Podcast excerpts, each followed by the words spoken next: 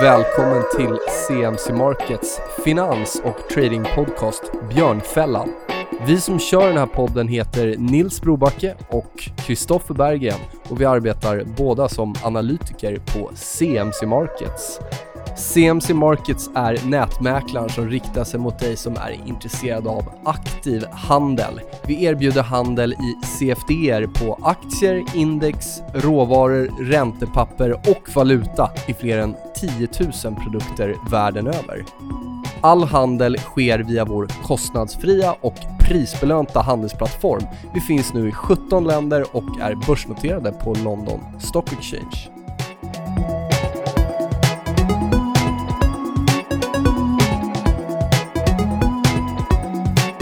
Vi har en fantastiskt spännande intervju framför oss. Det är del 1 i intervjun med Mads Trader och Lone Wolf.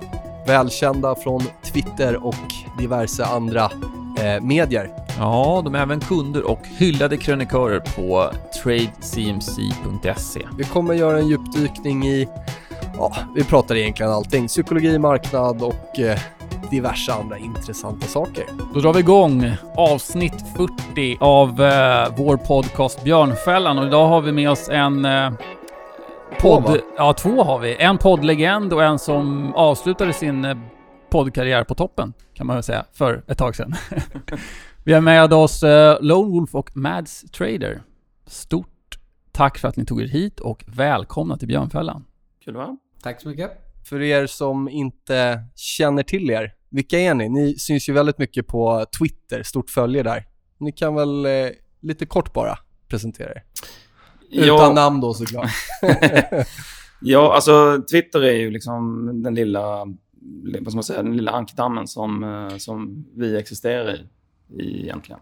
Och eh, jag sitter ju och handlar hela dagarna, precis som många andra. Egen bok. Egen bok.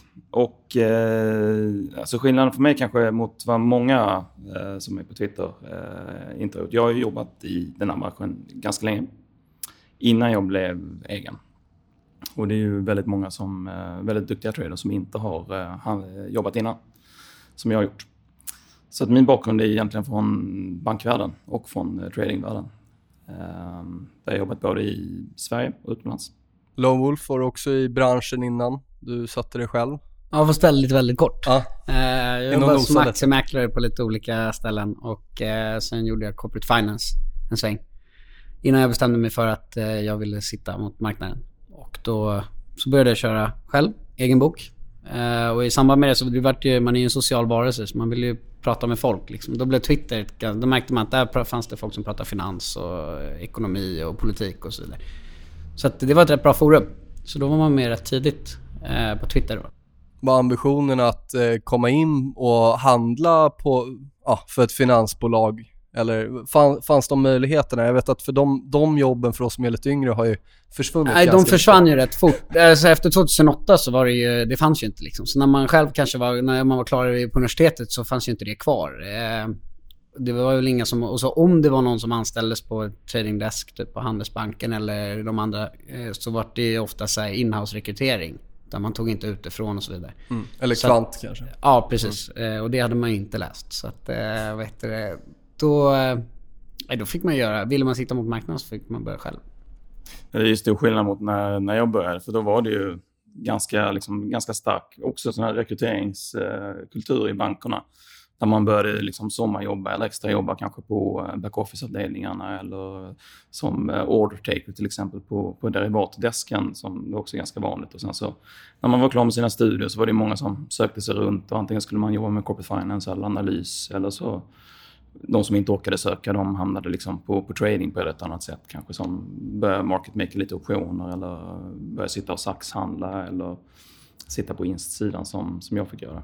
Så att det var ju liksom en naturlig väg in då och den dog ju verkligen. Ja men den trodde man ju faktiskt. Jag jobbade ju faktiskt på HQ ett kort tag. Eh, och sen i samband med att jag jobb, försökte jobba mig upp där så, så försvann ju banken jag jobbade på helt plötsligt. Liksom. Så att eh, då, och det var ju typ det sista tradingbordet som var kvar. För Carnegie hade lagt ner sitt när de hade problem några år innan. Fick du med Eh, dig en kaffekopp? Ja det har jag faktiskt. Snyggt. Och en penna. Eh, Men Mats, vad skulle du säga är skillnaden mellan att, om du jämför ditt sätt att tänka som har arbetat i branschen ganska länge mot de som kommer direkt från skolan eller vad man nu gör och börjar med trading på en gång. Ser du några fördelar respektive nackdelar utifrån ditt sätt att se på det? Alltså jag tror det finns jättemånga fördelar hur man tänker. Uh, rent liksom riskmässigt tror jag. Uh, för att man har haft liksom ett, på något sätt ett eh, reglement att förhålla sig till liksom, som var styrt av något annat än, än själv.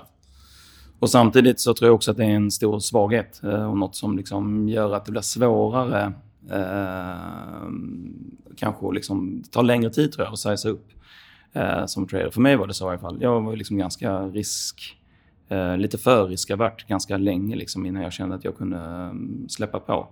Så det är väl den stora skillnaden. Sen så är det klart att man har ju mängder med andra fördelar som, som har suttit och jobbat för att man kan lite regleringarna bakom och system och sådana saker som jag tycker att det är ganska skönt att ha rätt bra koll på tror jag.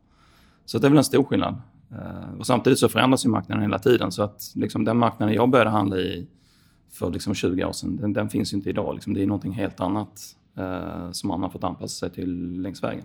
vad är den stora skillnaden nu då mot 20 år sedan?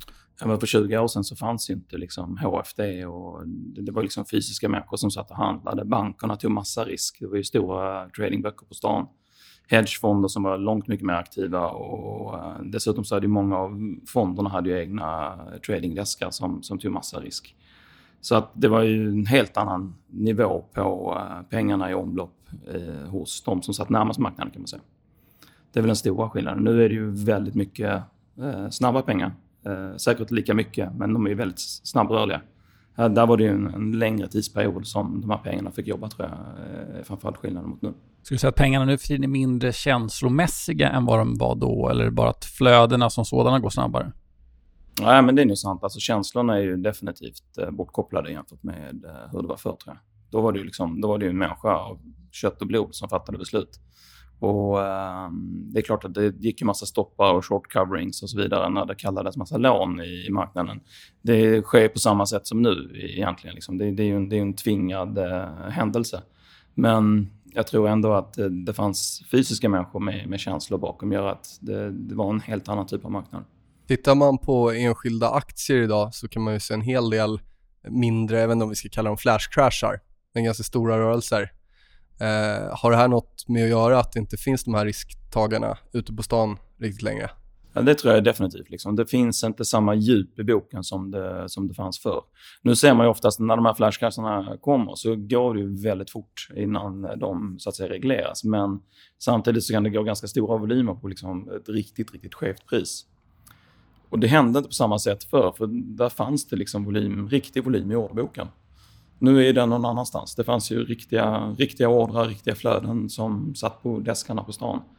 Och så är det ju inte längre, utan nu sitter ju den här executionen sitter ju i en algoritm någonstans eller eh, något liknande. Och den kan ju ha pausregler till exempel som gör att den är borta för stunden. Och det är väl ofta det som kanske gör att om en större algoritm driver marknaden i någon execution till exempel. Och så har den pausregler till exempel att nej, men då går den bort en stund och så vidare.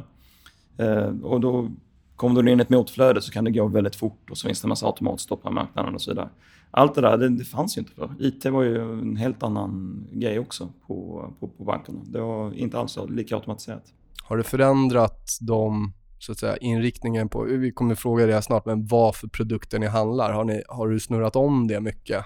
Eh, val av aktier eller vad det Alltså man väljer väl kanske um, aktier lite grann efter möjligheten till att hitta uh, liksom flashkraschar mm. eller mindre flashkraschar. För att man vet man att när det händer så vill man ju vara aktiv i de papperna för att mm. man vet ju att det är en bra möjlighet att tjäna pengar för man vill ju gå emot uh, när de händer. Men jag handlar ju generellt sett i stort sett bara midcaps och large caps. Jag handlar i väldigt stora bolag. Uh, så för mig så spelar det inte så jättestor roll. Liksom. Jag befinner mig i en lite annan uh, marknad tror jag. Och terminen är väl ganska annorlunda. Det är inte flashcashar på samma sätt där. Om vi inte tar, Nej. drar oss till minnes den stora. ja, ja, precis. Exakt. Nej, eh, jag har inte varit med i marknaden innan. Alltså när det var bättre. Som man får höra. som man får höra säger alla, de äldre alla Säger de äldre alla Exakt. Det brukar de äldre alltid säga också. Att det var bättre förr. Men Ehm, så jag vet inte. Ehm, men eh, det är väl bara någonting man... Man får ju anpassa sig hela tiden. Sen är det väl en stor skillnad från när man börjar handla och vad det är idag. Eh, det kanske också har med nivåerna på aktierna och så vidare att göra. Att det är andra strategier som spelar in nu. Som typ 2012 och 2013 så var ju till exempel momentumstrategier var inte så här superhot för marknaden var inte i den håsen som det är nu. Och där bara, bara där ser man ju att det är en jävla skillnad. Liksom. Då stack inte grejerna iväg på samma sätt som de gör idag. Trendade inte lika mycket. Eh, så jag som handlar terminer, det blev ju också en rätt stor omställning. Att, det, när det inte, att ställa om när det börjar drifta. Att den liksom, riktningen är uppåt istället mm. för att bara sidledes. Och det var ju Greklandkriser och flashkraschar och Ehm, på den tiden som makro betyder någonting lite grann. Liksom. Ja, det precis. har ju helt och hållet spelat ut sin roll alltså, under ganska lång tid. När man började så satt man och kollade vad Mario Draghi sa. Då var det ju knäpptyst. Då satt man ju liksom och, med full volym på tvn och lyssnade på vad han sa. Idag, idag jag, jag bryr mig inte så mycket om jag missar när han pratar på torsdagarna längre. För att Alltså, det, det, alla marknaden verkar ha fattat nu att ja, men det kommer tapering någon gång. Alltså, det ser man också på rörelserna. De är inte lika stora under centralbanksbeskeden jag brukar om folk frågar mig gällande sådana typer av besked eller liknande, hur jag tänker eller har tänkt, då brukar jag alltid säga det att för mig är det enklast att se i prisrörelserna. Absolut. Vad för information som kommer in. Definitivt. Alltså det är, ju, ja, det är tol det är, tolkningen ja. marknaden gör som blir intressant. Uh, och det är då när det var så mycket bäs framförallt. Uh, och vissa trodde att jorden skulle gå under och vissa tyckte att QE var kommer få hyperinflation. Det var ju så många olika liksom, ekonomiska skolor som sa att uh, antingen att det går åt helvete eller att det kommer gå bra. Um, och det såg man i marknaden också. Det, det var ju en hel del rörelse. Liksom. Nu har alla gett upp. Nu har alla gett upp. Nu, exakt. Det finns ju, det, även om du är björn så har du inte pussar på som bevisar det. Liksom. Nej, det, de har gjort ont i sådana fall. Ja, exakt. Um, ja. Men hur, hur, gick det för, om vi går tillbaka till när ni startade, hur gick det i början? Gick det bra eller gick det dåligt? Eller hur, och hur hanterar ni liksom utfallet i början när man är ny och sådär? Alltså, min värld när jag började, liksom jag, jag var liksom trebarnspappa och gick från liksom ett ganska välbetalt jobb i finansbranschen. Så att för mig var liksom, ribban låg liksom ganska högt. Ja, du menar när du gick från branschen till... Ja, alltså när jag ja. blev egen. Liksom, när jag såg upp mig och blev egen och skulle börja handla så för egna pengar. Så jag hade liksom lite, vad ska man säga, lite krav på mig. Jag gick inte liksom från ett CSN-lån, eller 7-8 tusen kronor i månaden och bodde hemma hos mina föräldrar. Eller hade liksom, jag, jag var ju ganska långt kommen i, i livet. Ja, men du måste varit lönsam i vadå, ja, tio år innan dess? Ja, och man ja. måste ju vara lönsam när man börjar handla under de premisserna också. För att man ska ju liksom ersätta en... en ja, lite högre burn rate. Ja. ja. men man har ju lite annan burn rate med tre barn än vad man har eh, om man liksom har möjligheten att slå om till nudlar. Har man det, Love? En annan burn rate? jo, det tror jag absolut. Jag, jag, jag tror att Longwood hade en högre burn rate än jag erkänner. Men uh, han kunde ju välja att kanske skala av dem. Till, till, det är väl ändå... Ja, det är lättare att size upp och size Ja, exakt. Det, det, är, den stora skillnaden. Förhållandet på rörliga och fasta kostnader, det är det där det viktiga. Precis. Jag hade höga fasta kostnader och du hade höga rörliga. Ja, precis. Du konstaterar att det är så. Ja. Men eh, så för mig, alltså, det gick väl liksom ganska okej okay, i ganska lång tid. Men det var inte fantastiskt på något sätt. Och sen så tog det väl, ja men så det tog väl tre, fyra år för mig innan jag kände liksom att nu kan det bli någonting liksom riktigt, riktigt bra.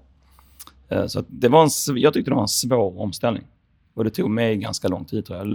Lång tid, mycket, mer lång, mycket längre tid än vad, än vad det gör för många tror jag. Hur var det för dig?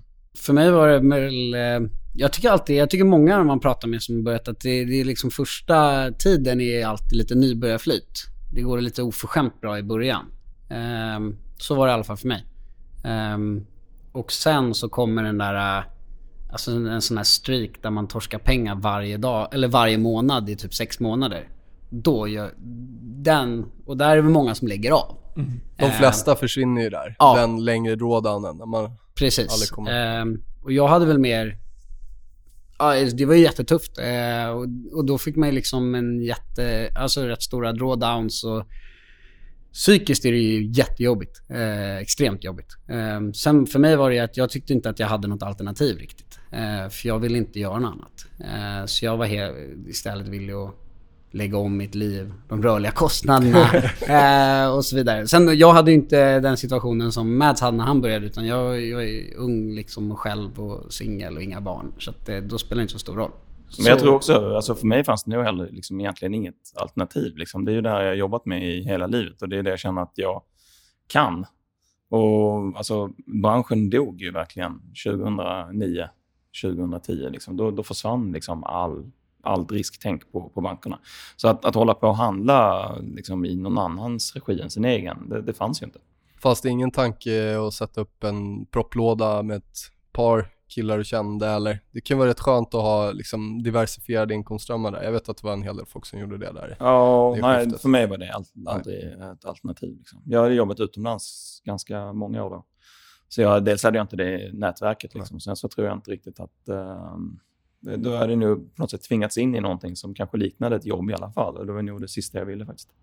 För jag ville ju verkligen liksom, ägna tid åt familj och, Mm. och annat. Liksom. Började ni tvivla på alltså, strategin som ni hade satt då? Började ni skruva i liksom, nej men nu kanske jag ska börja handla på det här sättet istället när man har de här tuffa perioderna, framförallt i början, för då har man ju inte erfarenheten med sig.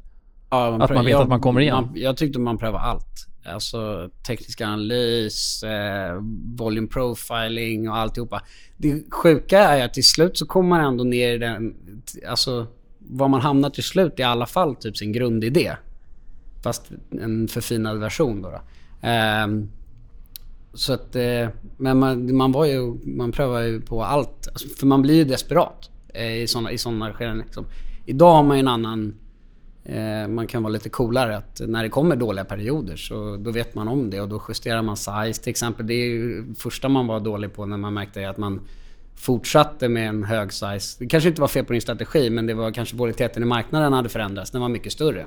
Så dina PNL swings Ja. blev mycket större och då, då blir det psykologiskt väldigt jobbigt. Ehm, så det är snarare sånt att problemet ligger hos en själv och inte marknaden. Det är väl där man måste hamna. Och när man fattar det, då kan du liksom börja hitta felen. För det är en jävla skillnad att veta när man gör fel och inte fatta varför. Eller, eller om man inte förstår vad, vad det är som har gått snett.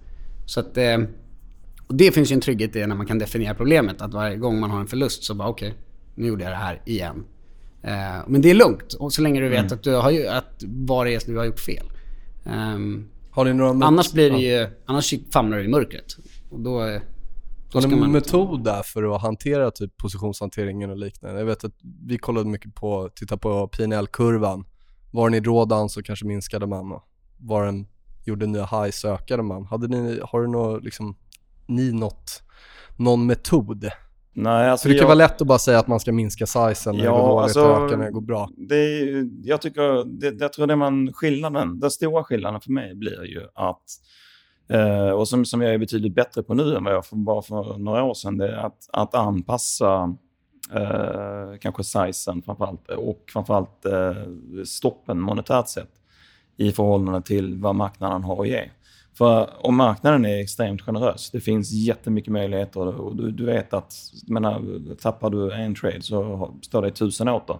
Då, då kan man fläska på ganska okej och känna sig ganska trygg oavsett om det blir stora drawdowns rent monetärt. Men om de där stora drawdownsen kommer liksom slag i slag och man känner att marknaden är väldigt seg. Så att, att få igen de där pengarna man har tappat i det man trodde var en okej setup.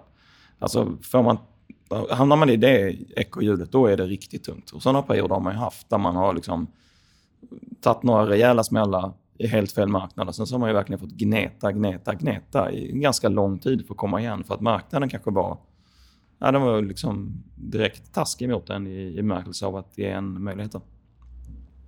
Så att det, det, det tror jag är den, den stora grejen. Annars har ju min setup har ju sett Alltså min skärmsetup har ju sett exakt likadan ut i, sen jag började sitta själv. Och det gör väl att jag har ju liksom inte ändrat så jättemycket i min approach till någonting tror jag. Den är nog faktiskt ganska exakt likadan. Men däremot så är det nog helt andra instrument som är på skärmen. Uh, och där har ju saker och ting liksom bytts ut uh, över tid lite grann tror jag. Men annars så, så tror jag mycket handlar om att tro på den metoden man har och ge det riktigt lång tid. Men samtidigt anpassa stopparna till liksom vad marknaden ger för möjligheter. Jag tror det där är det viktigaste du sa på slutet. Att man, alltså att, det, att din strategi eller hur du sizar och så vidare ska ju vara utefter vad marknaden gör. För den skiter egentligen i ditt PNL-swing eller din egen kurva. Um, så att när du sätter en stopp så har vi en eh, intradas range på säg 20 punkter i index. Att då ha en stopp på två punkter Eh, det blir liksom sjukt orationellt. Eh, Ja, stoppar måste ju sättas efter volatilitet. Ja men Självklart. precis, och var marknaden är någonstans. Och är, du inte vill, och är det då, måste du då sätt, visar det sig då att stoppen är för långt bort, du inte vill riska så mycket, ja då kanske du måste ha mer tålamod med din entry och vänta in marknaden någonstans istället. Ehm, det där tror jag rätt mycket på, att man måste verkligen sätta sina entries och exits utefter vad marknaden är. Och om man nu jobbar tekniskt så är det okej men under den här nivån så får jag faktiskt fel. Och då är min affär fel. Eh, Många börjar ju där med att ta sizen, ja, jag vill max torska x kronor. ja, Okej, där hamnar stoppen. precis. Och det, Ja, jag, det- jag jobbar ju aldrig så. Liksom. Nej. Och Nej, men det är ett vanligt misstag. Det är ett vanligt misstag man gör i början och det är... Men till slut lär man väl sig antingen den hårda vägen eller att man läser, läser eller lyssnar på en podd när de kanske säger det. Men, Man att, kommer inte eh, lära sig det ändå, för man nej, måste, man måste Precis, det. oftast Ja. måste man ju faktiskt eh, betala för de Ja. där... Eh, de lär, de, de, de lärarna. Eh, och, eh, men jag tror det är extremt viktigt. Eh, för att annars blir allting orationellt. För att marknaden bryr sig inte alls om vad du har satt din stopp. Men varför, varför tror ni att det är så? Det är lite lustigt med investeringar och trading. Eh, alltså när man, om man ska bli bra på en idrott så inser man att man måste lägga ner mycket tid. Så är det ju. Alltså du kan inte sparka mot en vägg och så, så blir du Zlatan eller slå med tennisrack och så blir du Björn Borg. Men när det gäller trading och investeringar så känns det som att men det räcker med att jag lyssnar på en podd eller läser en bok och sen så är det bara att köra. Varför tror ni att man har det mindsetet? För det ställer ju till det för många. För att du kan hoppa in i Wimbledon direkt. Ja, men det, det är faktiskt... Ja, man, man- man Event kommer inte kunna vinna. liksom. Ja. Nej, det är sant. Det är det som är Eh, problemet. Det är sant. Men eh, så fort du sätter dig framför datorn så är du ju med, med alla stora spelare samtidigt. Och ni handlar på samma papper. Eh, och har tillgång till i alla fall det mesta likadant. Så det är väl snarare det som är, folk tror är då att man har hoppat fram, hoppat över en hel del. Vilket de har, de hoppar över en hel del och sen oftast får de ju stryk. Men, eh, eller nybörjarturen ska man för sig inte underskatta. Den är... Den leder också till nästa liksom, steg som dräper folk. Det är ju kasinoeffekten. Att de säger upp och gör fel saker och sen förlorar allting och, och slutar handla. Absolut, precis. Men det sägs också lite komiskt kanske, men det värsta som kan hända en nybörjare, det är att det går bra i början. För att då tror man att det är så enkelt. Ja, men jag gör lite affärer här, jag gör lite affärer där och sen så, vad lätt det var att tjäna pengar och sen så inser man som du fick erfara då att det blir tufft några månader och hur ska man då hantera det?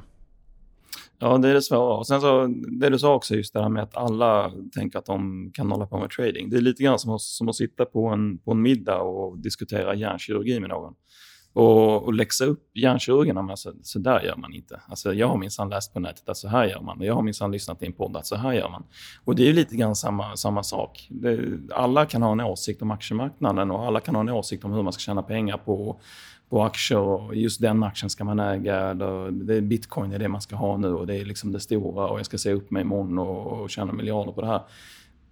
Folk respekterar på något sätt inte liksom att det vi gör är, det är ett ganska hårt arbete eh, också. Alltså det, vi, vi lägger ner sjukt mycket tid på det här och har framförallt lagt ner sjukt mycket tid på det här, precis som hjärnkirurgen har gjort. Han har tränat sitt hantverk i hundratals eh, operationer antagligen och jag, jag har gjort det genom att ta hundratusentals trades.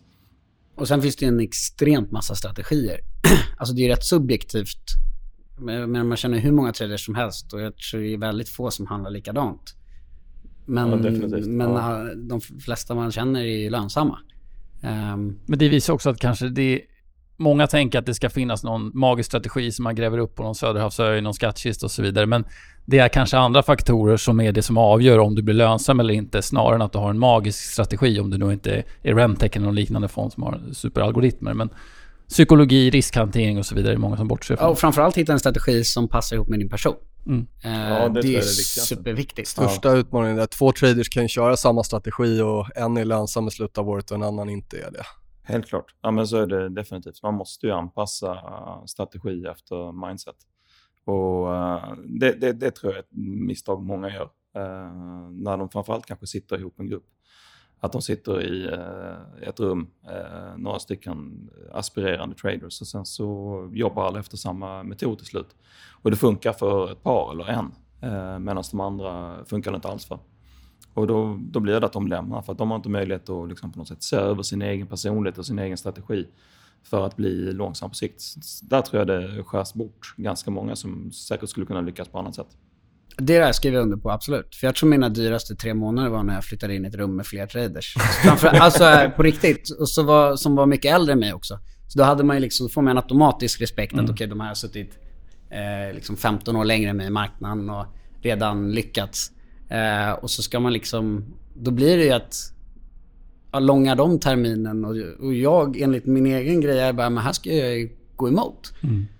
Då blir det att jag långar istället och det blir väldigt så här, då blir det ju väldigt, och det, till slut tappar man bort sig själv. Ehm, Härmar du världens tio bästa traders, tar en i taget, kommer du ju alltid rycka deras förlusttrade. Per definition. ja, Lite exakt. Murphys law. Alltså det blir ju Ja, oftast så det. så liksom. jag. Precis, så att det är väldigt mycket. Och det ska man ju också komma ihåg typ när man läser Twitter och sånt också. Att är det här någonting, passar det här för mig? Klarar jag av det här? Eh, Och man vet ju inte heller exakt varför den personen har tagit dig den traden. Det kan vara en hedge mot någonting eller det kan vara att man tänker på något lite annorlunda sätt. Men att bara koppa den rakt av när någon då stor twittare skriver någonting Så blir på nätet är det ännu värre, för där behöver Ja. det inte ens stämma. Eh, så att eh, det, det kan ju vara ännu värre än så. Liksom. Eh, utan de kan ju till och med ha motsatt intresse. Mm. Eh, så att eh, där ska man ju verkligen vara försiktig. Jag sitter ju både hemma och, och i ett rum liksom eh, med, med, andra traders. Och jag märker ju att jag tar ju helt olika typer av trades beroende på om jag sitter hemma eller om jag sitter i, i rummet med, med andra. För att informationsflödet är ju helt annorlunda mot eh, när jag sitter hemma mot när jag sitter i, i ett större rum. Eh, och man blir ju helt klart påverkad av hur eh, de andra i rummet eh, liksom kommunicerar med varandra och vilken typ av trace de har och vilken position de har innan till exempel. Eh, så att det försöker jag tänka på att man måste filtrera liksom, extremt mycket när man kommer in i rummet. Framförallt om man inte har varit där eh, på en vecka. Så ska man liksom lyssna igenom alla casen som, som folk har eh, investerat massa tid och, och positioner i kanske. Eh, och då ska man hitta sin egen edge i det där och det är rätt sällan man gör det tror jag. Så då blir det att då, då får man sitta och lyssna istället och inte agera. Och sen vilken tid man kommer in i affärerna. Alltså som att det är liksom 12 man deal team. Vilket typ eh, många småsparare säkert erfar för när de läser om någonting i tidningen. Då är det, alltså det mesta är redan skett. Alltså, Allt har skett. Ja men eh, den här vinna, vinnaraktien i år är upp 50%. Eh, då är det liksom, när du läser den rubriken, då, då kanske man ska säga så här, attans, okej. Sen kanske man ska kolla varför gick den upp och sen försöka hitta en PR eller någonting. Det är väl det mer rationella beslutet än att faktiskt haka på. Ehm, kanske inte när det gäller bitcoin då. Den, har, den, eh, den levererar ju uppenbarligen hela tiden.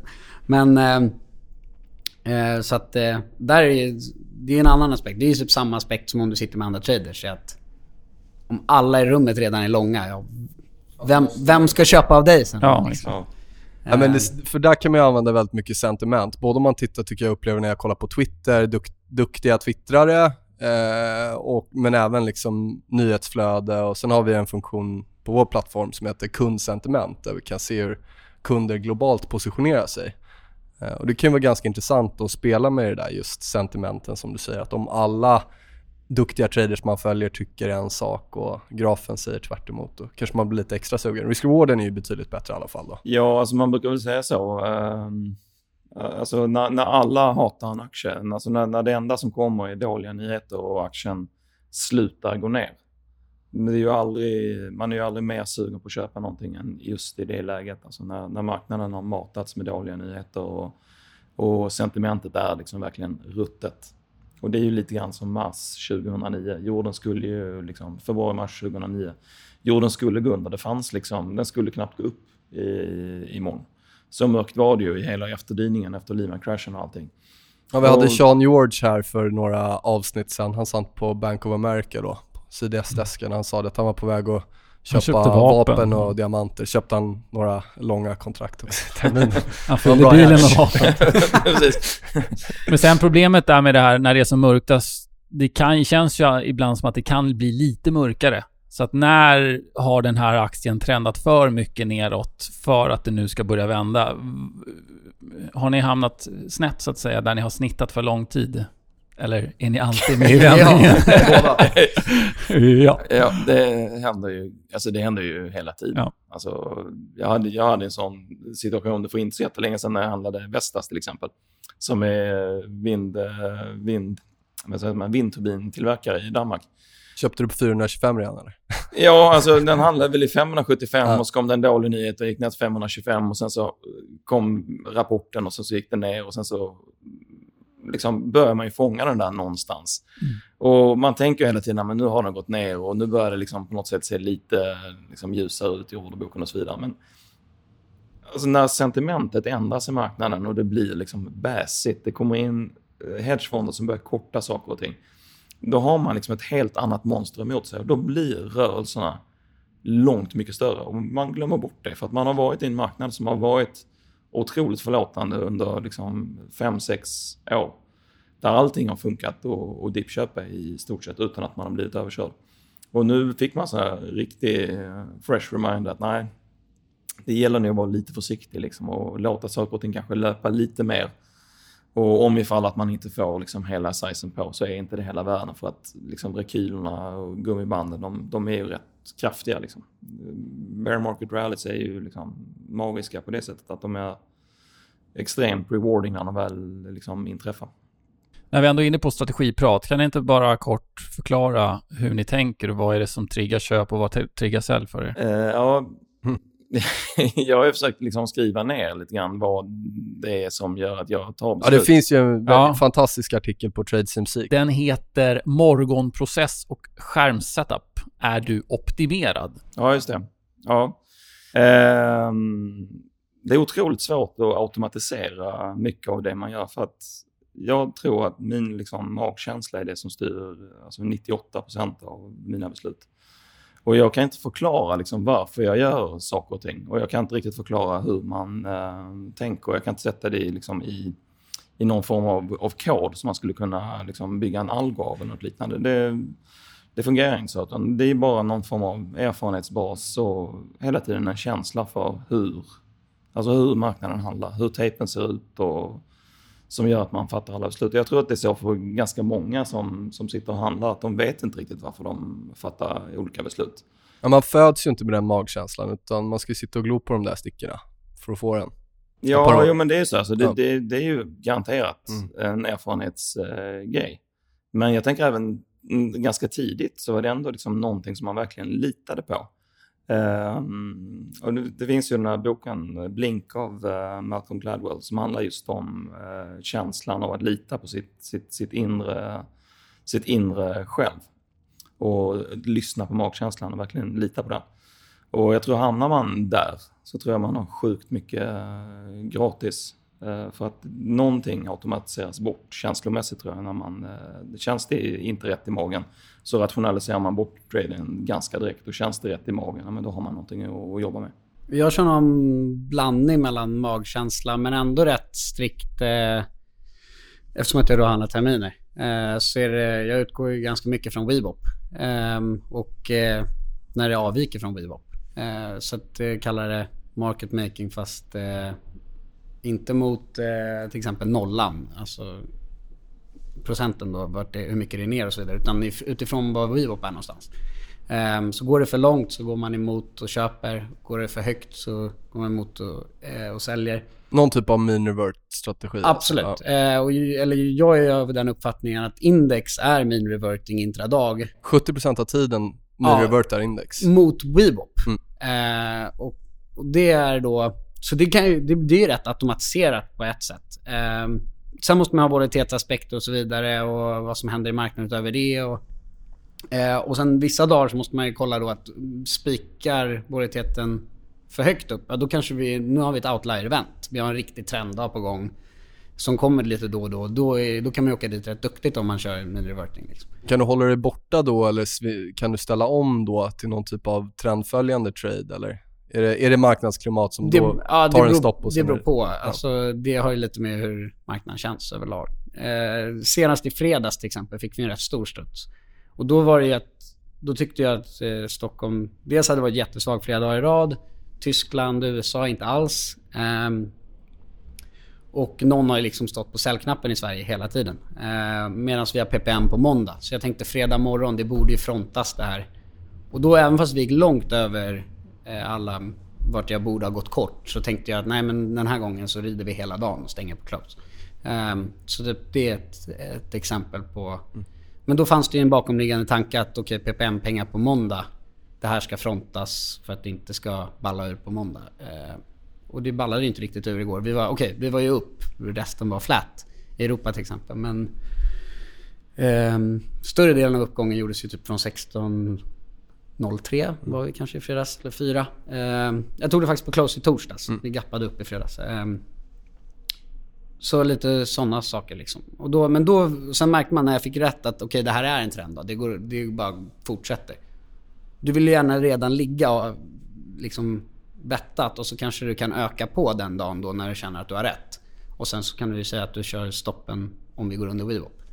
Ja, det är lättare att låta den där rida lite om man har kunnat få ja, in precis. lite vinster. Det är svårt att haka på att okej, okay, vi är redan högt ovanför WeWop och det kommer inte ner att gå lång. Det gör jag nästan aldrig. Um, utan det är snarare då man redan har en liten påse på. Som jag gjorde då förra veckan. Då var det att också i vetskapen om att jag kommer aldrig palla köpa om, det, om, om den sitter. Eh, så då kan man ha en mindre size på så att man... För då blir det helt plötsligt mycket mer bekvämt. Men du nämnde där att, eh, att man kan bli straffad när man kör mini-reverting. Att det, det, kan dra ganska hårt åt fel håll. Ja. Hur, är det någonting du har med i beräkningarna eller försöker du få bort den risken hela tiden? Det, det jag menar är att om det, blir, om det gör ont någon gång så är det ändå det är en del av spelet så att säga. Eller jobbar du hårt för att få bort de här så att säga spikarna åt fel håll? Ja, alltså jag försöker minimera torsken såklart. Självklart. Men, men er, anser att, du att, att det är en del av... Att jag ska försöka tjäna pengar de dagarna, det är inte riktigt det som min... Alltså så här, som min bread and butter, att jag ska tjäna pengar de trenddagarna. Det händer inte så ofta. Eh, sen, alltså nu pratar när, vi, när jag menar trenddagar så menar jag så här riktigt hutlösa uppgångsdagar där det bara ballar ur och index handlas någon standardavvikelse över WeWop hela dagen. Mm. Eh, det händer inte så ofta. Utan ofta går det ju upp men index kommer ner, studsar mot VWAP, går lite under men trendar åt ett håll. Eh, så att, och det är där jag vill liksom sitta och jobba. Eh, och det, men det där är så här bread and butter. Det är det man, som man tjänar pengar kontinuerligt. Sen eh, tycker jag det är roligt att göra contrarian trades. Det, här, men det, det, det gör jag rätt mycket i alla fall. Det, ja, och då är det swing, ja. swingpositioner och så vidare. Liksom. Men det är väl också liksom det som är liksom egentligen grunden tror jag till många av de som man själv sitter och jobbar med och som, som har hållit på länge. Alltså grundtanken är ju ändå på något sätt contrarian. Vi är ju, dels är man en momentumspelare, man, man gillar att hänga på saker när det är momentum. Och då, då blir det ju med trenden. Men samtidigt så letar man ju hela tiden. Man vill gå emot grejer. Har det gått för mycket? Har det gått för mycket? Så vill man gå, gå emot, både på uppsida och nedsida. Så att just den där contrarian grundtanken hos, eh, hos traders, det, är ju, det handlar väl lite grann om den här mean reverting-grejen. Eh, liksom. Den är ju ganska djupt rotad eh, i de flesta tror jag. Liksom. Och det då innebär ju, smärta kommer ju på, på köpet, så, så är det ju inte. Och för mig blir det ännu värre som börjar med terminer. Det var liksom det första. Jag, de flesta går ju liksom aktier och sen börjar med terminer. Jag började med terminer och sen tog det rätt lång tid innan jag ens började handla aktier. Och aktier trendar ju. Det är, så är det ju. Ja, det är. Så att, det, det är jävligt annorlunda. Eh, och det är jag fortfarande inte riktigt fått kläm på det. Utan där, då gör jag så istället, då svingar jag på några veckors sikt eller någon månads sikt. Typ, eh, såna grejer. Jag är lång fingerprint nu som en contrarian-grej bara för att all, till och med de som äger fingerprint hatar fingerprint. Men det här contrarian-grejen, är det för att man vill överbevisa marknaden, att man ofta har det mindsetet som trader eller är det för att man känner att där finns de största swingarna att göra om man kommer in rätt i en vändning eller varför vill de flesta vara contrarian? Du menar om det bara är ego? Ja, men lite vägen, åt det liksom. hållet. Alltså det finns säkert flera saker det. Liksom man, man tänker att man är smartare än, äh, än marknaden kanske, jag vet inte. Men det, det, finns väl någonting grundläggande i att saker och ting går sällan upp mer än det som sitter här uppe i mm. skallen. Mm. Man, man tänker att men, det här är för mycket. Eller, och oavsett om det går upp eller det går ner så tror jag liksom alla duktiga traders tänker på något sätt. Man vill hitta, men okej, okay, 10% på den här nyheten i den här aktien, det är för mycket. 6% är rimligt, så 10% är alldeles för mycket. Och då kanske då tänker man, okej, okay, går den upp 12% då ska jag verkligen sälja. Men man kanske börjar peta lite grann. Sen så har man ont en stund och sen så börjar saker och ting gå rätt. Och när väl det börjar gå rätt, det är ju då man känner att man får en, en bekräftelse. Och då ökar man ju på sizen. Det är då sizen ska komma. Så att det gäller ju liksom att hänga med i gummibandet så långt man orkar och förhoppningsvis så har man inte tagit för stor size eh, för tidigt så att man inte är den som stoppar sig in i nästa trader som hade bättre tålamod och vänta. Eh, och så får man lov att åka med gummibandet eh, tillbaks där. Så om jag förstår det rätt, då, liten size först och så om du kommer tillbaka till där du börjar göra profit så då, Ja, då man börjar, man, man börjar peta lite Mm. grann och sen så kanske det går med en, några tick och så märker man att ah, men nu kommer det tillbaks upp igen. Då hade man fel. Då kanske man liksom försöker rida med trenden en, en stund genom att vända traden. Men hela tiden liksom jobba, jobba hela tiden jobba eh, mot eh, det där gummibandet som man på något sätt vet kommer släppa någon gång. Men skalar ni alltid in i trades eller eh, är det ibland kör ni liksom all in direkt? Jag kör ju väldigt mycket handel på öppning. Eh, och då är det ju liksom nyhetsbaserat. Alltså man har ju gjort massa liksom nyhetsresearch kan man säga på morgonen. Och man har en tanke och en idé om vart marknaden ska på olika nyheter. Så då kan jag ta ganska, ganska stora bets på öppning för jag känner att ja, men, det kanske gappar upp 3 och jag tycker att den ska handla 5-6% upp. Då vill jag ju inte liksom ta lite och hoppas att jag ska kunna få in 1 upp, utan då är det mer att jag vill ju nästan bara öka hela vägen. Ehm, så där gäller det att jobba med hur mycket man tror att saker och ting gappar. Och då blir det ju hela sizen in direkt. Liksom. Och får man fel då, ja, då kostar det ju ofta mycket pengar. För att eh, då, då, då sitter man i, i skiten från stund ett egentligen. Liksom. Och det händer titt som tätt. Att man liksom tänker att ja, men här, den ska upp på det här och sen så öppnar aktien ner till exempel. Och sen så tar man ändå en, en lång position för att man har sin egen vy och sen så bara fortsätter saker och ting ner. Och de dagarna, de är liksom svettiga och dyra. Men är det då en, en smärtstopp så att säga som går då om man liksom hamnar fel Ja, från början? alltså att man- det är ett monetär att- stopp? Ja, alltså det blir en, en monetär och egostopp på Mm. alla sätt och vis. Liksom. Man har fel man har fel positionssize, man förlorar bara pengar. Liksom. Då, då bara lägger man ner den och så får man gå vidare till och försöka hitta pengar på något annat ställe. Att jobba med, att, att jobba med där man har fel så från början, det är otroligt tungt. Och då försöker jag bara stänga och gå vidare. För att hålla på och kneta tillbaka där, det blir sällan bra. Det blir bara sällan ett djupare och djupare hål när man... Då blir man ju bara förbannad och så. så. Ja, Har man förtroende för strategin att det har gått bra har jag upplevt att om man kan ställa om där i det läget, man har identifierat ett, eh, en köp eller säljsignal då, och så fallerar den, då kan det vara en lika stark signal åt andra hållet, om inte starkare.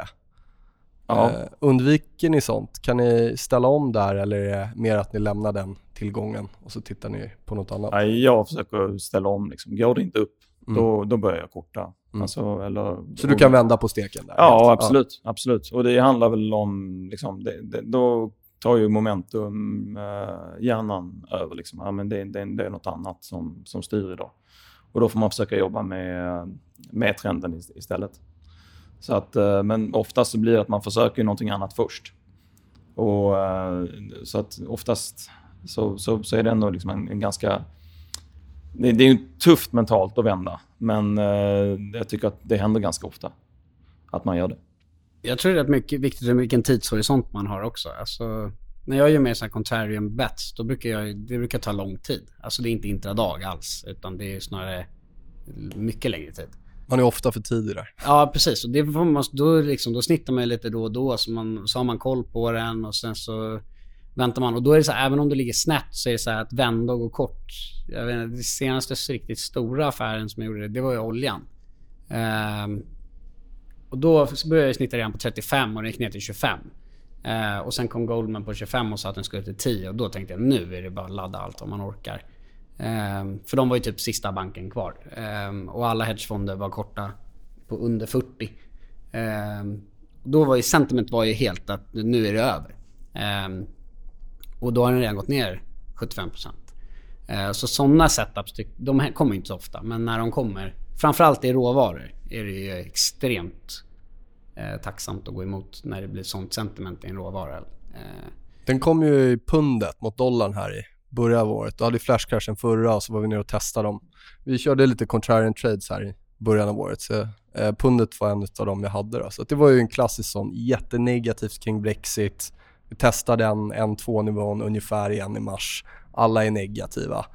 När vändningen sen kommer då, eh, grafen, sentimentet, då går det ju väldigt, väldigt eh, snabbt då. Och det, exakt, och det som är roligt då är att när det väl kommer så blir det så här, alltså det går så jävla fort.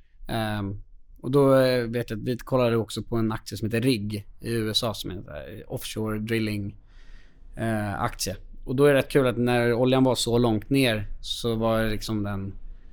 Vad var den? 20%, 20% blanka, 10 dagar to recover på average vol, eh, volym per eh, dag. Um, så den var ju också... Sånt är ju roligt att hitta då. Det, att, eh, det är ändå ett jättebolag. Ehm, men kommer en squeeze i ett sånt bolag så är det ju fantastiskt. Ehm, så det är mer sådana contrarian-case när jag pratar contrarian. Och där är väl typ Fingerprint ett sånt just nu. Eh, sen får vi se. Det är jävligt dåligt sentiment. H&M då? Är det något du ger dig på? Vad sa du? H&M, det är många som ligger... Ja, exakt. Däremot, eh, där har man ju svårt att se någon katalysator riktigt. Alltså med oljan så är det ju ett, där har du ju en råvara i bakgrunden som styr. Annars, när det blir ett sånt där trendskifte i, i en industri, då är det ju mycket, mycket svårare. Då Lite trögrörligare. Ja, jag vet inte hur mycket contrary man skulle vara på facit och sådana där grejer men... Nej, alltså... Det är inget kul liksom. eh, utan du måste ju ha att, det, att den kolliderar med någonting. Ja, ja. Och där, då är en råvara rätt eh, stabilt liksom. Eh, ja, stabilt är väl dumt att säga men det finns något bakom som kan, också, som kan, göra, som kan dra det. Men vi hade väl dollarn lite grann i, i år egentligen. Liksom. Det var också, alltså, alla var ju så extremt bullade dollarn när vi gick in i året. Och var, jag, hade, jag hade motsatt vi i det fallet. Jag trodde dollarn skulle försvagas. Dels på grund av, av Trump och, och så vidare.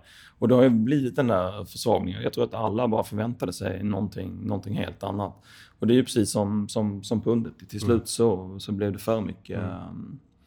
Eh, bäsighet i kurserna. Liksom. Och positionering i de här instrumenten betyder extremt mycket. Och ofta så blir det ju ett, en, en, en rusning till, till dörrarna. Så då får du ganska kraftiga rörelser på ganska kort tid. Så man får en kort täckning i, i ett riggbolag eller, eh, eller, eller något liknande. Eh, Men det är just att se triggern till, till att eh, den här vändningen ska komma. För att det vi har sett nu på sistone är ju i ganska många bolag så är det ju rätt stora kortintressen som har kommit in och det byggs eh, stora kortpositioner. Och jag tror det är början på, på en ganska lång trend där, vi kanske kommer att se, jag vet inte, så två, tre, fyra år kanske eh, framöver där marknaden kommer vara i händerna på ett, ett kort sentiment på ett annat sätt. Det kommer hela tiden finnas säljare som vill liksom vara kort den här marknaden i upptäckaren snarare Och sen, tvärtom. det beror på vad de är korta för, från vilka nivåer. Alltså Ja. som i Fingerprint så hade det var ju liksom strukturella kortningar som det var, de var långsiktiga.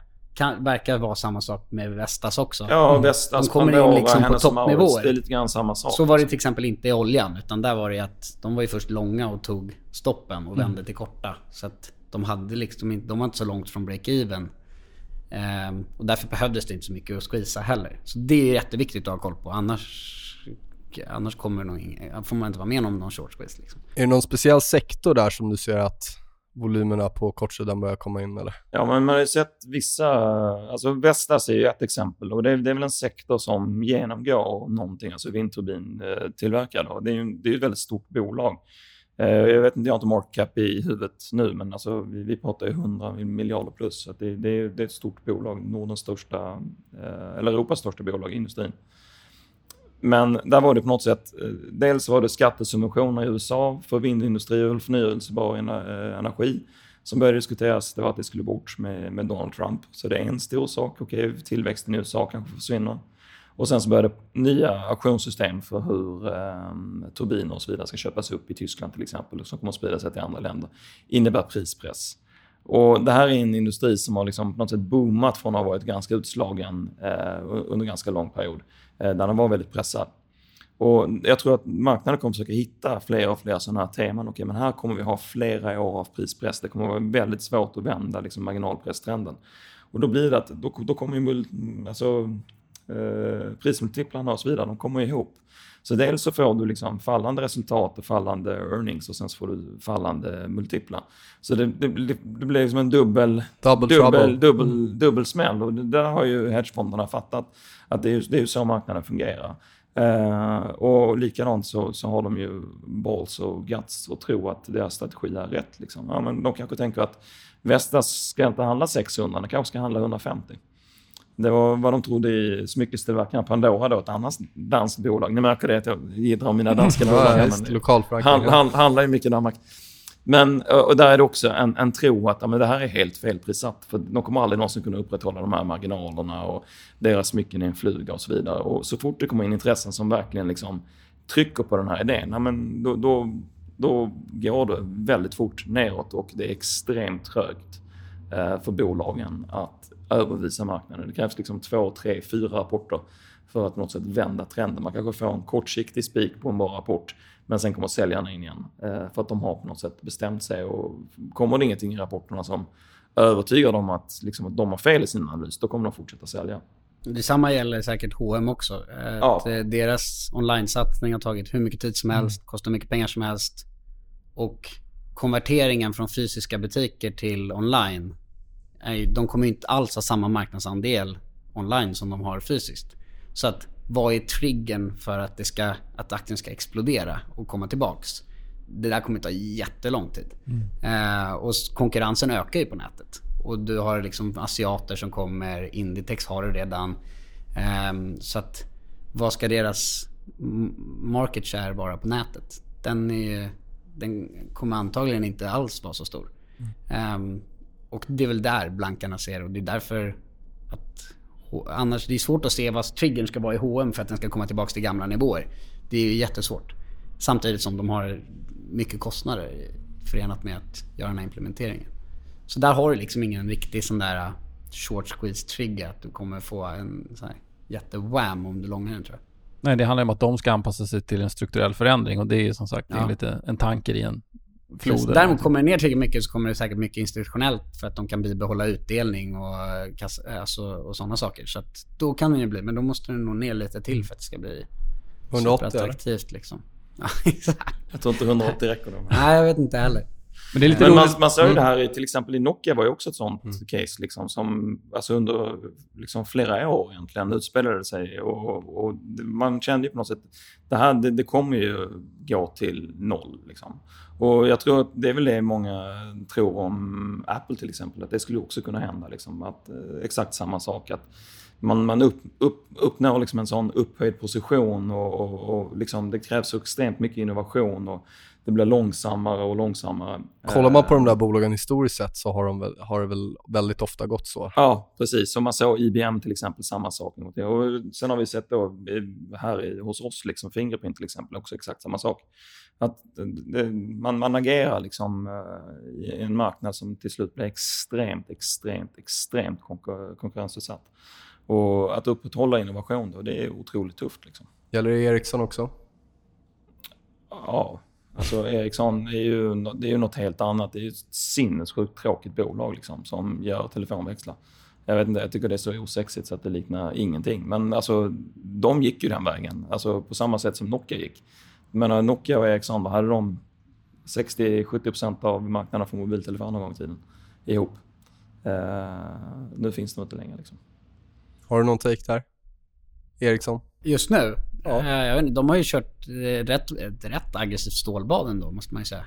Um, det är väl det som alltså man hellre vill se. Om någon är i ett strukturellt problem, alltså att deras marknad de jobbar på är att det är stora problem. Då är det ju bättre att rycka plåstren och göra det. Ta fyra kvartal där man diskar allting.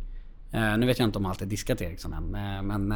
Mycket. Men, men mycket i alla fall. Majoriteten borde ju vara det. Um, och det är väl någonting man... Det är bättre än att försöka flirta och försöka dress the bride för att blidka den här kvartalsrapporten. Då är det bättre att bara ta allting på en gång. Um, tycker jag i alla fall.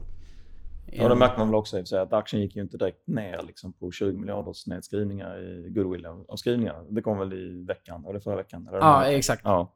Den har ju handlats väldigt sentimentbaserat i år också. Alla var supernegativa i början av året vid 50. Eh, var sen var folk väldigt positiva där med Seviano och Christer vid 63 va? Och så var det nere under 50 igen. Ja, så det började komma upp. Jag tycker tekniskt han, faktiskt den ser trevlig ut över 50 om den mm. försvaras där. Absolut. Kanske inte till 100 spänn men till 60. Då. Ja men och sen är det så här, vad, vad är det för ruskigheter som kan uppkomma? Alltså mycket är ju taget. Eh, så är det um, Och där, det är det viktiga tycker jag. När bolag försöker nej vi vågar inte riktigt och vi fegar lite på att göra avskrivningar och så vidare. Det är ju bättre att då ta det och sen hitta tillväxt någonstans längre ner i kursen. Så att man liksom får stabila ägare istället för folk som bettar på att det Eh, så jag tror det är faktiskt rätt väg att gå. Inte himla så mycket. Men om vi kommer in lite på, du var inne på, du kör large mid cap. Kör du några andra tillgångslag? Handlar du valutor? Handlar du råvaror eller? Ja, alltså jag handlar ju en, en hel del terminer också. Mm. Eh, det gör jag, indexterminer. Eh, men jag har ju, min strategi liksom cirkulerar ofta kring sista 15 minuterna och efterhanden eh, i terminen i Sverige. Just för att jag känner att i perioder har jag kunnat hitta en edge i, i hur, eh, hur marknaden beter sig runt stängning och efter, i efterhanden. Men i OMX då? I OMX-terminen, ja. precis. Gällde det det också? Var det där du mest handlar? Är det OMX-terminen eller är Ja. det DAX eller S&P? Nej, eller? OMX-terminen är primär. Men sen på sistone så är ju bitcoin är ju, har ju liksom på något sätt... Alltså det har ju exploderat på, på ett sätt... Alltså, alltså tittar man på Twitter och, och, och sådär, Alltså, så, så, CNBC också. Det är Ja, alltså, helt det, sjukt. det, enda man, de det enda man hör det är Ja. bitcoin, bitcoin, bitcoin, bitcoin, bitcoin. Och jag kan för en månad sedan så var det inte så. Alltså det har gått så sjukt fort. Det känns som att liksom oktober, november, december så har det bara exploderat liksom helt galet. Nu har ju kursen i bitcoin självklart exploderat. Korrelerat. Det har korrelerat intresset att... Jag tror Google-sökningarna, det var också liksom... Det var ju lika parabolisk eh, chart. Eh, Har du sett liksom. något sånt här innan? Det här är ju... Alltså man tänker man historiskt sett då i värdeökning i kronor och ören så, så tror jag inte det finns någon bubbla. Den är väl värre än tulpanerna? Ja, det, det, det tror jag att den är. Liksom. I kronor och ören, okej nu ska vi inflationsjustera saker och ting. Men alltså den, den är ju enorm. Uh, Sen kanske man ska jämföra krypto eller blockchain-tänket med tulpaner. Det är Nej, alltså, rörelsen i sig. Ja. Alltså jag, jag är ju jättefascinerad över liksom just det här med blockkedjetekniken i sig. Mm. Men eh, alltså, sådana här utvecklingar blir liksom... Alltså man, man blir ju galen. För att, eh, och, och nu märker man också att det börjar komma in eh, fler och fler eh, sektianer i den bemärkelsen att nu finns det fler som står upp på barrikaden och säger att amen, antingen så ska det till noll eller ska det till 60 000 eller 100 000 eller en miljon eller det ska till 10 miljoner eller vad det nu är liksom, på, på, på sikt. Och det är väl liksom verkligen det som klassiskt eh, visar eh, någon form av, av, av bubbla. Liksom. Men det kan bubbla vidare långt, långt, långt över dagens nivå. Alltså det var ju, som du säger, det har ju förändrats bara på sex månader. Ja. Jag vet i somras så var det, även om det var prat, så var det nästan inga jag kände som ägde det i alla fall då. Eh, Men det där kanske förä- har börjat förändras lite mer nu, tycker jag. Ja, när jag käkade lunch idag så ringde min mamma som är liksom 40-talist.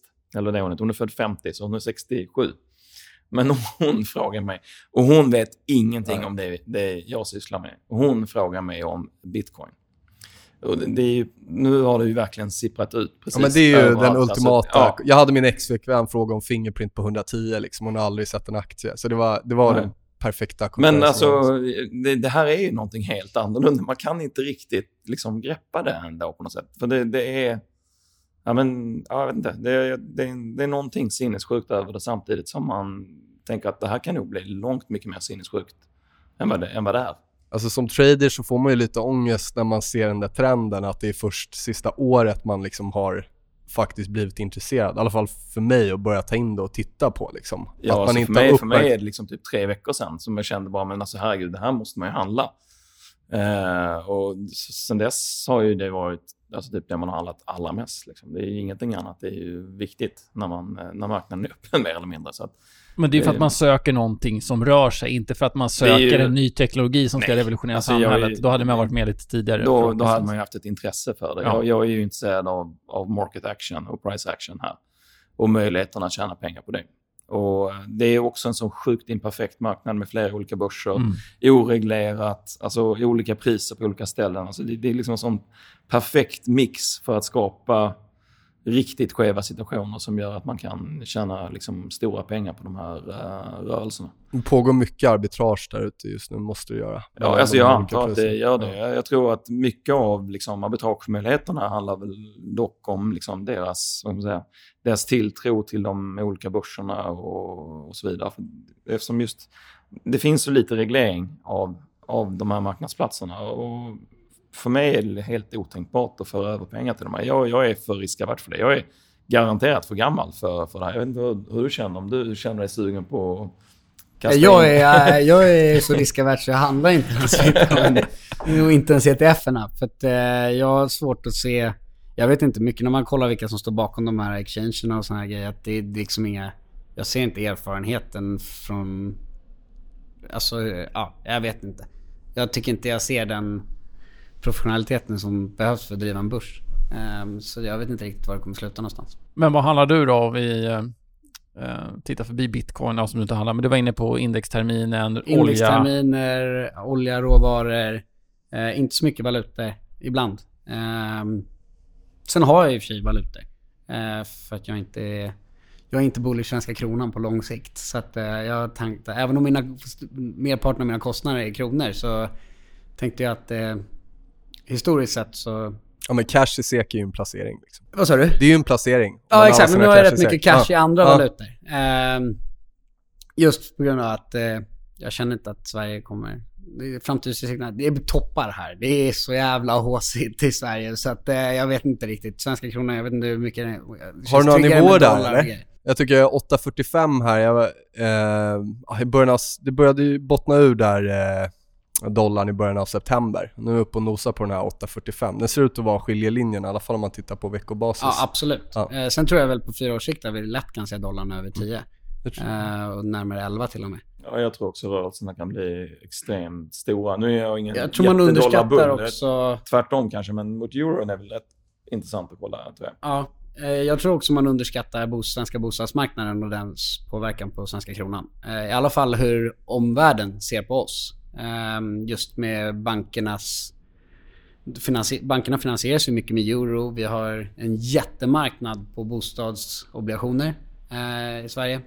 Vi är bland de större marknaderna i världen. Ehm, så när, det där, när man hedgar bort svenska kronan för tyska pensionsfonder som har köpt de här bostadsobligationerna och grejer. Det ser inte superbra ut för svenska kronan. Nej, det är nog många som inte tänker. Man tänker, men Sverige, vi är så duktiga, vi är bra på företagande, vi har fina bolag och så vidare. Men ja, tappar man förtroendet för staten Sverige som investerare, utländska investerare, ja men då kommer man ju ställa andra krav och då... Ja, Ja, då exakt. kommer det inte se ut som det gör just nu det kommer vara jättebra för exporten. Men, ehm, och inflationen kommer säkert ta fart då också för då, då går ju priserna upp. Eh, Men, ehm, Men då går för- räntan upp. Mm. Då går räntan upp. Och exakt. Så, går- så det blir en ond spiral riktigt som jag inte, än i alla fall ser riktigt hur de ska komma undan. Ehm, så att just därför. Men sen är det ju Sverige, och- alltså Sverige, Norge, Danmark. Alltså ganska små ekonomier, egna valutor. Eh, Danmark har ju en peg mot, mot euro så det är lite annorlunda. Men Sverige och Norge, Norge är ett jätteberoende av, av oljan. Men det blir ju att ska det säljas tillgångar eh, i en liksom lite risk-off-marknad. Ja, men då kommer ju foreign assets i periferin ut liksom. Och då, då är ju Sverige, Danmark, Norge först på listan. Och det är hävstång på nedsidan. Ja, men det, det blir liksom att Ja. den, de, de grejerna åker i badkaret först. Liksom. Det såg man ju egentligen i 2008-2009 också. Liksom. En ganska lång period med en väldigt svag krona. Egentligen, alltså fundamentalt sett en väldigt undervärderad krona skulle jag vilja säga i förhållande till hur Sverige ser ut då jämfört med, med resten av världen. Eh, framförallt kanske med tanke på hur Europa ser ut. Eh, så jag tror att svenska kronan kommer få det sjukt tufft under ganska många år. Men jag tror inte att det är dollarn som kommer eh, vara i, eh, i förarsätet kanske. Liksom. Utan jag tror snarare att det är Europa och Kina som kommer ehm, eh, vara de starka valutorna de närmsta 4-5 åren tror jag. Men tror du dollarn kommer tappa sin safe haven-status om det nu blir riktigt stökigt? För att även under finanskrisen så var det ju folk gillade ju dollar, även fast det var ganska stökigt i USA. Men tror du att... Eh, Nej, jag tror det kommer att bli bitcoin. Nej, jag vet inte. Alltså, det skulle kunna bli någon sån sjuk grej egentligen över tid. Jag tror inte det. Men för den är dessutom prissatt i dollar. Alltså, allt, allt det där snurrar ju också runt på något sätt. Nej, jag, jag har svårt att säga att det skulle finnas någon annan. Om man tittar man på korrelationerna nu så är jag tittar på lite olika grejer när jag försöker definiera risk on risk off. En sak är ju dollarn och tittar jag tillbaka nu senaste perioden då är det ju dollar som är risk on och euro som är risk off. Det är det som korrelerar.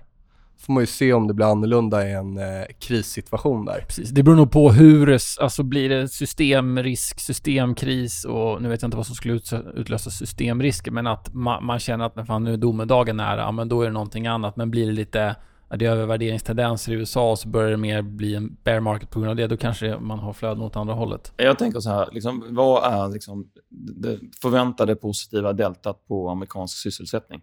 Alltså, eller arbetslöshet. Kan, kan den bli liksom, lägre? Kan det bli bättre? Alltså, det känns som att så här bra kan det inte bli än, mer än, än vad det är i USA. Ja, det var väl några rekordsiffror som kommit ut Ja. här senaste halvåret. Så att, så att jag menar, alltså, vad ska driva värdet av dollarn då? Det är ju, deltat är ju snarare tvärtom. Det handlar ju mer om liksom tapering i Europa, i, i Japan kanske, i Asien och en, ett starkt Kina. Ehm, så att, och, och då blir ju relativt sett så blir dollarn en förlorare i en sån, i en sån miljö. Ehm, och sen så, så, men taken när det gäller svenska kronan handlar väl mer om, om, om risk. Eh, och kanske just liksom landsspecifik risk för, för Sverige. För den, den tror jag inte är obetydlig som du säger. Eh, när det gäller till exempel bostadsmarknad och, och så vidare. Liksom. Nej, ska vi man bara jämföra än. Skandinavien så får man inte glömma att de norrmännen har i alla fall oljefonden. Alltså, Det så, finns lite pengar där. Det finns en hel del att backa upp med. Sverige har ju, vi har rätt hög belåning på det mesta vi har. Vi har inte ens några bitcoins. Nej, inte det Som heller. Bulgarien. Som Bulgarien, ja. Exakt. Eh, så att, eh, jag vet inte. Och sen jämför man med övriga Europa så måste det finnas eh, bättre utsikter för tillväxt än vad det finns i Sverige just nu. För det känns som att vi har tagit ut det mesta i förskott. Ja, det blir lite grann samma, samma tänk som med, som med, som med dollarn. Där, liksom. Ja, alltså, det är så här, vad är det uppdämda behovet i Sverige? Det är, Sen är det valår nästa år, så det är liksom. många sådana också Mm. saker som, som kan stöka till, tror jag. Hur ser det ut med korrelationer där annars? Är det något som ni använder i ert beslutstagande eller? Det är ju alltid trevligt när det funkar och så slutar det funka plötsligt. Då får man värdera om lite. Men är det något som ni tittar på? Ja, men du nämnde ju oljan tidigare som en input när från oljan var obviously. Men är det i något? ropet, då, Ja. var det ju, då gick man ju på den. Alltså, då var det ju bara långa och index Mm. när oljan spikade. Och, eh, och när den vände så kunde man ju korta. Så att, eh, när de korrelationerna uppstår så är det ju... Då går man ju absolut på det. Sen nu, jag tycker typ amerikanska marknaden, alltså så här S&P mot OMX, den har inte funkat på länge. Nej, Ehm. Likadant med tysken tycker jag också. Så. Ja, Ja, Tyskland då har USDC varit bättre Ja. egentligen. Ja, precis. Eh, och mot DAX-index till exempel så har det inte heller varit så här superklockrent. Ehm, I så fall är det extremt, extremt kortsiktigt. Um, alltså intradag. Men annars tycker inte jag att det har korrelerat riktigt alls. Många följer det här HYG-indexet i USA. High Yield Corporate Bond Index. Är det något som ni tittar på? Ja, den brukar jag titta på ibland. Men inte som att jag liksom... Det är ingenting jag kollar på intradag liksom. Men det är absolut någonting jag har koll på. För det är lite obligationsmarknaden och... Ingenting är att sitta och titta på. Det är sånt man läser om någon gång, tror jag, för att det dyker upp i någon artikel som man tycker är intressant. Men det är ingenting som jag håller koll på generellt. Men generellt så är ju just bondkorrelationen till, till marknaden, den har vi ju sett där har vi sett ganska tydliga alltså nedtick i, i equities har ju varit när vi har fått liksom en rörelse i långa kurvan, alltså när, när yieldsen har tickat upp. Det såg vi ju, alltså nu kommer jag inte ihåg tidsaspekterna här riktigt, men vi har ju sett ett par rörelser upp i tioåringen i USA och i Tyskland till exempel.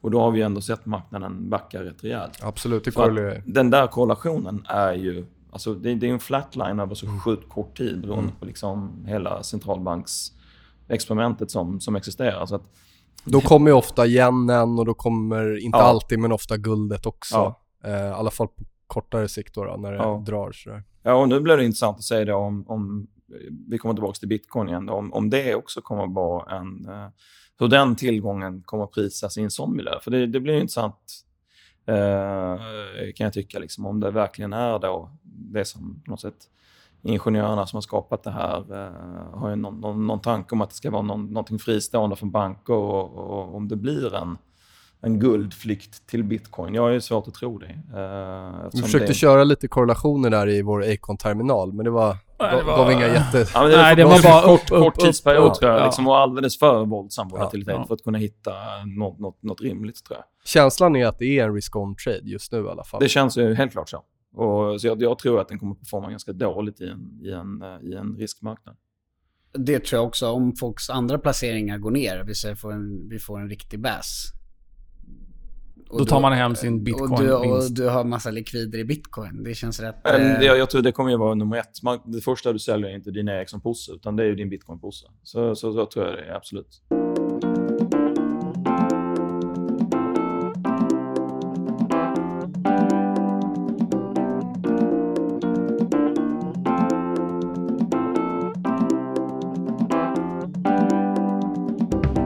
Sådär, det var del ett av intervjun med Mads och Lone Wolf. Frågor och funderingar, tveka inte att höra av er till oss. Ni finner oss på hashtaggen björnfällan eller kan ni kontakta oss via mail på kundservice alternativt slå oss en signal om ni funderar på något.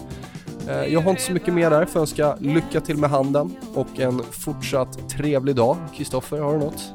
Nej, fantastiskt intressant och eh, håll utkik efter del två som kommer om eh, en vecka be river I've been down.